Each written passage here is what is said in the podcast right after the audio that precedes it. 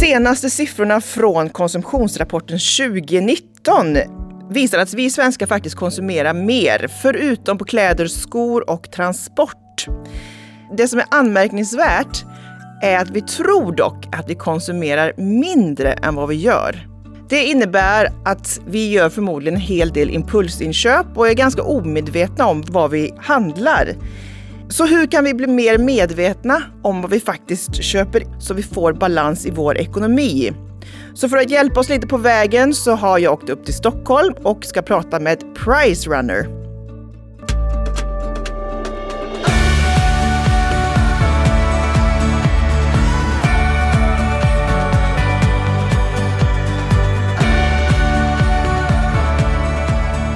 Välkommen Anna Lafors. Du jobbar på Price Runner med hållbarhetsfrågor.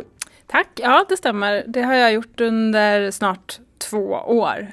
Um, och det är en del av mitt arbete. Jag har andra arbetsuppgifter också. Arbetar som redaktör på sajten. Men hållbarhetsfrågor har vuxit i intresse, både från vår sida och från våra användare. Så det är någonting som vi lägger ner mer och mer tid på. Mm. Innan vi går in på er tjänst och hur ni hjälper era konsumenter så tänkte jag höra, har du talat om 50-30-20-regeln? Jag har hört talas om den, ja. Mm. Det innebär ju alltså att 50% av din nettoinkomst ska du ägna åt fasta kostnader såsom boende och mat. 30% nöjen och 20% sparande. Hur ser det ut hos dig?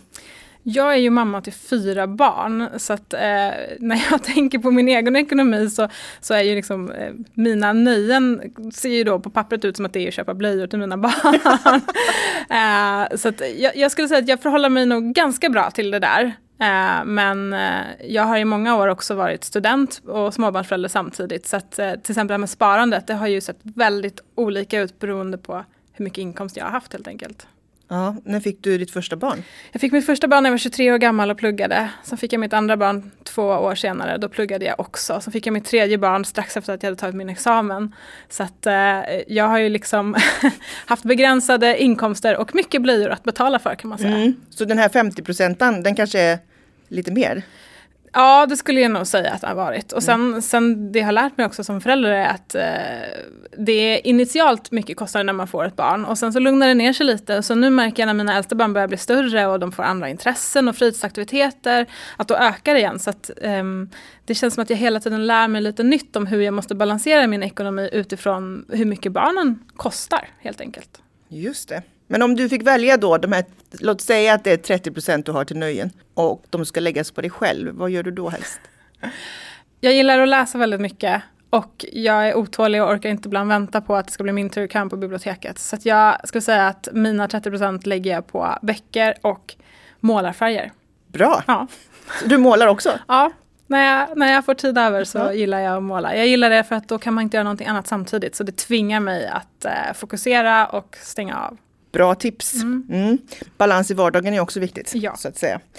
Vi på Shoppa Lagom vill ju uppmuntra folk till en mer balanserad ekonomi. Så kan ni berätta lite hur ni jobbar med det på Price Runner? Alltså, Pricerunner är ju en, en jämförelsetjänst. Eh, man kan jämföra pris, man kan jämföra produkter och eh, vi försöker att hjälpa våra användare att planera sina inköp bättre. Vi har flera olika funktioner på sajten som är till för att man ska hjälpa sig själv till ett bättre köp genom att göra research, genom att tänka efter före eh, och att eh, genom att försöka bidra liksom till en lite mer transparens kring köp. Eh, går man bara till en butik och letar efter en vara så då är det det utbud man har att välja mellan. Men ska man handla online och använda sig av en jämförelsetjänst som Pricerunner så får man ju en mycket bättre överblick som vi tänker är ett bra hjälpmedel för att liksom balansera sin ekonomi. Mm. Och vad för typ av produkter kan man hitta på er sida? Eller vilka jämför ni? Det är allt mellan himmel och jord. Sen, jag menar, vi har ju mycket tyngd hos teknikprodukter men det finns barnprodukter, utemöbler, trädgårdsprodukter, egentligen inga begränsningar. I viss mån har vi vissa liksom, tjänster, också resor, men framförallt har det ju varit produktfokus. Eh, och jag menar tunga produktkategorier är ju till exempel vitvaror och sådana där liksom sällanköp där man ändå ska punga ut med en del pengar och liksom vill göra ett bra köp. Mm. Hur, många, hur många besökare har ni ungefär? Eh, vi har ju sajter i Sverige och Danmark och i UK och jag tror att vi har ungefär 10 miljoner i månaden totalt. Det är många prisjämförelser. Ja. Och vilken produktgrupp är den som man jämför flest gånger? Just nu är det handsprit och munskydd. Ah. Men annars är mobiltelefoner väldigt ofta i, i toppen och det är ju också en, en produktkategori som är ständigt aktuell i och med att det ofta kommer nya produkter och då ramlar de gamla i pris och så kanske man tycker att då, då är det kanske en sån man ska köpa nu. Så att mobiltelefoner är stort. Mm. Och det är ju också en stor andel av vad vi lägger våra pengar på som konsumenter. Hur tror du då att sidor som till exempel Pricerunner har påverkat hur vi konsumerar? Alltså, det vi vet att vi gör är att vi upplyser om eh, priset på en produkt. Um, jag tänker mycket på den person som kanske inte bor på ett sånt sätt att det är lätt att jag går först till butik A, sen butik B och sen butik C och, och ser hur det ser ut. Utan där man har liksom ett pris att förhålla sig till.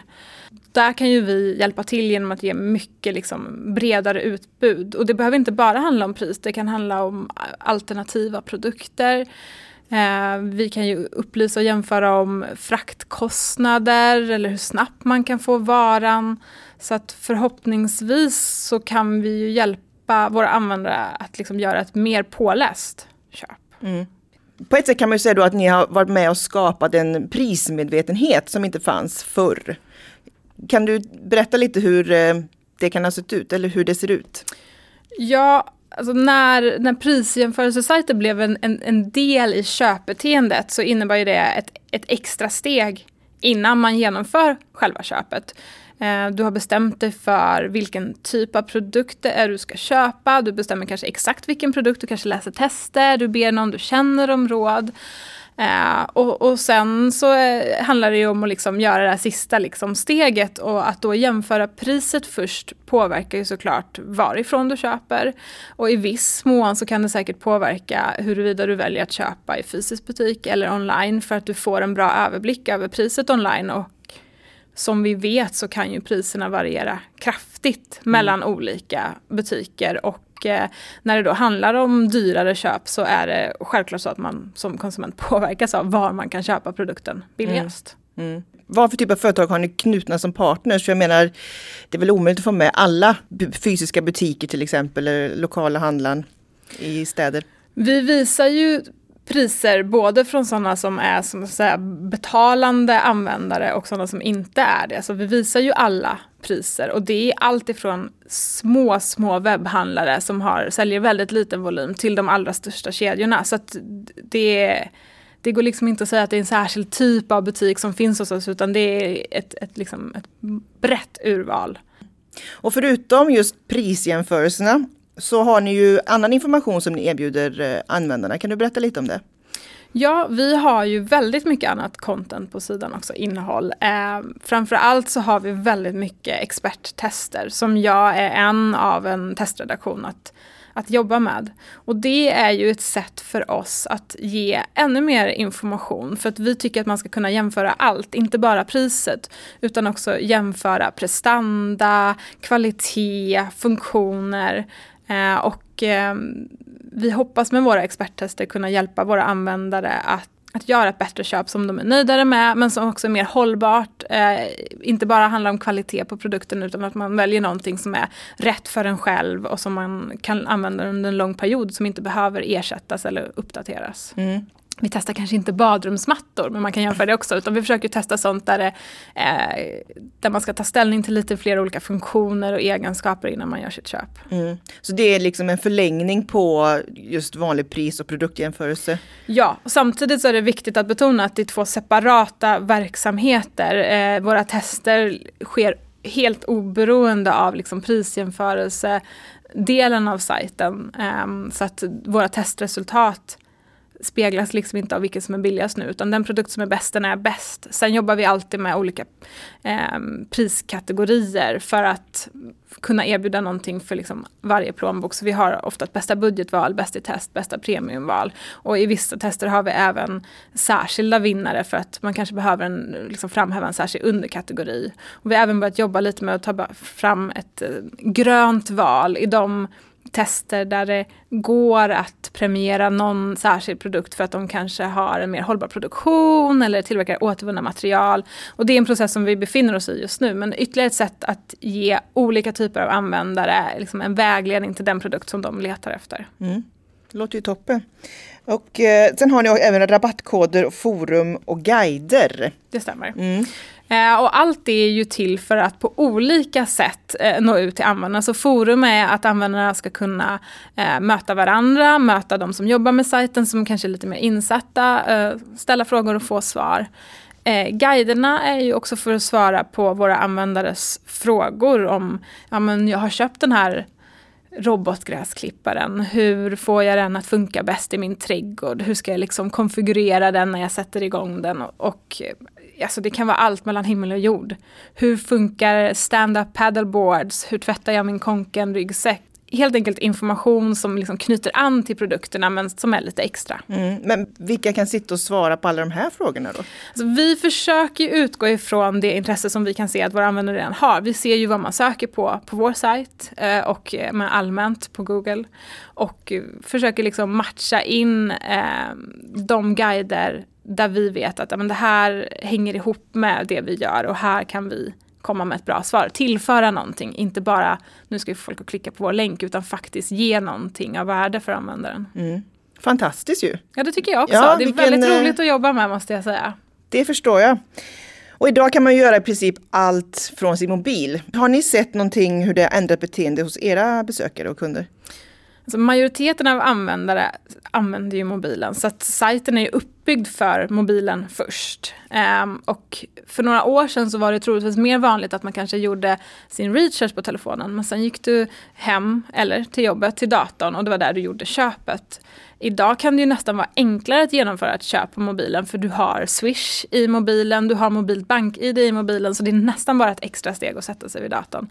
Så att absolut, vi anpassar ju verkligen sajtens utformning och på alla sätt försöker vi göra det enklare att använda mobiltelefonen. Sen om det påverkar hur användaren använder sajten, ja, det tror jag också är möjligt. Vi har även en app där du ska kunna prisjämföra när du är liksom ute på språng genom att scanna streckkoden och kunna få upp produkten på sajten på det sättet och kunna se mm är priset jag är på väg att betala här i butik, är det rimligt eller är det egentligen så att det finns någon annanstans där jag kanske borde köpa den här varan. Mm. Så att på det sättet så betyder ju användning av mobilen att man liksom använder vår sajt kanske vid fler och andra tillfällen. Mm. Så ni har också en Price Runner-app? Ja, det har vi. Och den går att ladda ner på samtliga? ja, det är både för Android och iOS.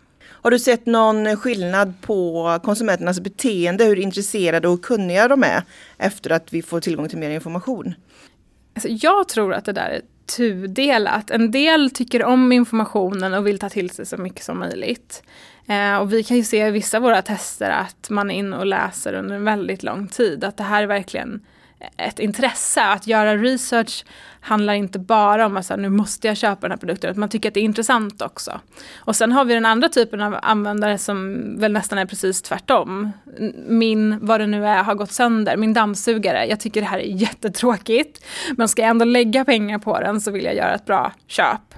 Och eh, då går man in lite snabbt och så vill man titta vilken är bäst i test. Verkar det här stämma typ överens med det jag är ute efter? Eh, känns prisnivån rimlig för min budget? Och så slår man till.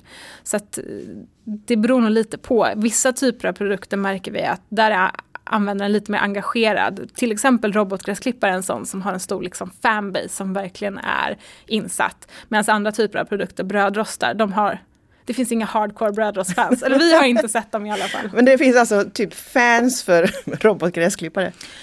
Ja, och jag tror att det är sant för många fler produktkategorier också. Jag som jobbar med barnprodukter säger att det är väldigt många som blir väldigt engagerade både i barnvagnar och bilbarnstolar.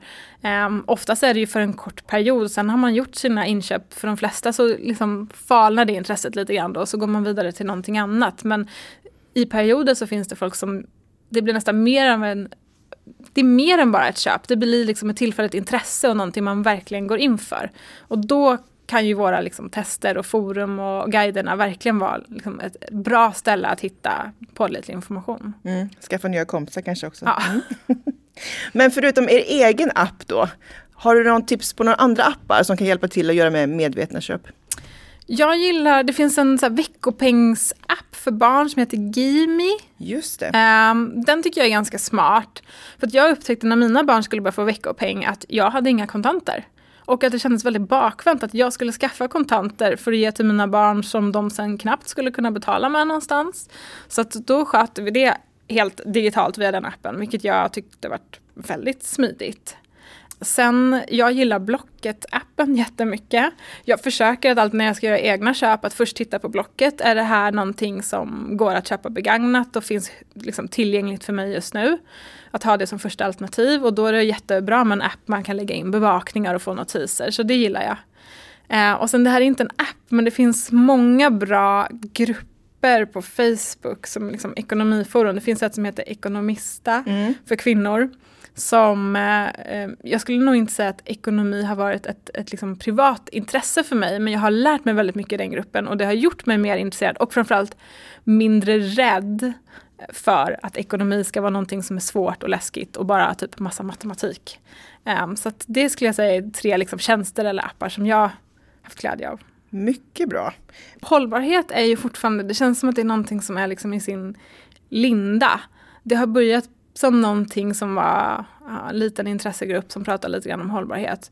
Men det vi kan se nu är väl att det breder ut sig från de så här klassiska produkttyperna som man liksom kopplar ihop med hållbarhet så märker vi nu att man vill liksom ha hållbart av allt. Det ska inte bara vara liksom pastan du köper till middagen som ska vara ekologisk utan vi ser sökningar på liksom ekologiska möbler, ekologiska badkläder. Så att Um, vad jag ser för vår del så har vi mycket kvar som vi kan göra um, inom hållbarhet för att liksom erbjuda mer information och guida användarna till liksom, utbud som faktiskt finns. Mm. För många sådana här produkter har länge funnits kanske bara hos små webbshoppar men vi har ju även dem så vi kan ju lyfta fram dem till en större publik. Så att, jag skulle säga att det är fortfarande någonting som vi jobbar mm. mycket med. Tror du att vi kommer få se ja, men second hand-möbler och sånt som man kan hitta på er sajt? Alltså, man ska aldrig säga aldrig. Vi ser ju att andrahandsmarknaden är stor och är, jag menar, mer och mer även för så teknikprodukter, mobiltelefoner. Så att eh, vem vet, det skulle vara väldigt roligt om man kunde erbjuda en jämförelse även av använda produkter, tycker jag. För mm. att det är ju, tror jag, många av våra användare som gärna skulle köpa mer begagnat. Eh, och om man då kan ha ett tillförlitligt forum att få information från så skulle det antagligen vara väldigt positivt för den branschen. Mm. Jag vet ju själv, jag eh, har nyligen köpt lite nya möbler på second hand. Och det är ju ett tidskrävande arbete att gå in på varje auktionssajt eller Blocket. Det tar ju flera timmar. Ja, det gör det. Det varit väldigt skönt med en samlingssajt. Det, jag håller helt med. Som det är nu så måste man vara väldigt engagerad och det gör ju att det kräver mer energi att göra liksom ett köp av en eh, begagnad produkt. Och det är ju, förhoppningen är ju att det ska vara tvärtom, att det ska vara liksom enkelt och lättillgängligt. Mm. Men om vi övergår till eh, nya produkter då, för det är framförallt där ert fokus ligger idag. Om man, eh, man behöver en ny mobiltelefon, vad är de vanligaste misstagen du tycker att folk gör som då inte går in på er sajt till exempel? Alltså, när det gäller nyinköp överlag så skulle jag vilja säga att eh, många kanske gör misstaget att automatiskt utgå ifrån att det var min vän eller släkting eller granne har och är nöjd med att det automatiskt är det bästa valet för mig själv också. För så behöver det inte vara. Är man insatt i hur stort ett utbud av produkter kan vara så förstår man också att eh, det är inte en produkt som är bäst för alla utan det bästa köpet för dig handlar ju om att hitta den produkt som bäst matchar dina behov. Um, så det tror jag är ett vanligt fel man gör, att man utgår från att ja, men den, alla säger att den här är bäst, så då måste den vara bäst för mig också. Uh, och sen så tror jag att många, um, som du nämnde i början, kanske lite för impulsiva med sina köp. Att man tänker jag vill ha den här här och nu. Men att man kanske ska börja med det här vill ha-behovet men vänta med köpet tills det faktiskt är eh, rätt tid. Jag vet att många typer av produkter har eh, en prisnivå som pendlar kraftigt upp och ner. Det kan man se i prishistoriken på vår sajt att det kan handla om från vecka till vecka skillnader på flera hundralappar eller tusenlappar. Och att det därför kan löna sig att ha lite is i magen. Oftast kanske det inte är ett köp som måste göras just i exakt i den här stunden. Så att många har nog lite för, för bråttom. Mm. Men det var ju intressant att det är säsongsvariationer på, ja, förutom ja, gräsklippare och sånt, det kan jag förstå. Men eh, mobiltelefon till exempel, du, är det... Just mobiltelefonen är väl lite mer stabilt, men där kan det ju handla om att, att eh, läsa på mer. Ska det precis släppas en ny modell, om man är intresserad av nuvarande modell som säljs just nu, då kanske man kan vänta de där veckorna eller en månad tills eh, den nya modellen har kommit. För vanligtvis brukar ju då de äldre modellerna sjunka i pris. Ehm, så att även där kan det handla om att, att först identifiera sitt behov eller sitt sug efter någonting. Och att sen liksom göra lite research för, men när borde jag göra det här inköpet? Och då kan man också då kolla på historisk data hos er? Ja, vi har pris, prishistorik på, på produkterna och både liksom generella utbud men vi kan också visa prishistorik för en enskild återförsäljare. Vilket kan vara väldigt eh, bra att ha, till exempel om man hoppas på att köpa någonting kring Black Friday. Att man kan gå tillbaka och titta, är det här en vara som redas förra året vid Black Friday? I sådana fall kanske man kan förvänta sig att den kommer omfattas av rean även i år. Mm. Och vi har även prisaviseringar, så det här behöver inte betyda att du ska liksom sitta uppkopplad hela tiden utan du kan spara en produkt, lägga in en prisbevakning och så får du ett mail antingen så fort priset sänks eller när den nivå du har skrivit in är uppnådd. Mm. Intressant att du nämner det här med Black Friday för det skrevs ju väldigt mycket kritiska artiklar kring att många kedjor fulsänker eller låtsas vara extrapris fast det inte är det. Är det någonting man kan se på er sajt? Ja, vi ser det väldigt tydligt och vi har gått ut med väldigt mycket information om det också. Så att det förekommer och det är inte helt ovanligt. Så det ska man se upp med då helt enkelt? Ja.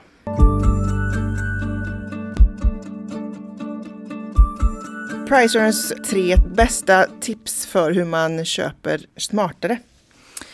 Ett tips kan ju vara att försöka att köpa off-season om det går. Och det kräver ju en viss planering såklart.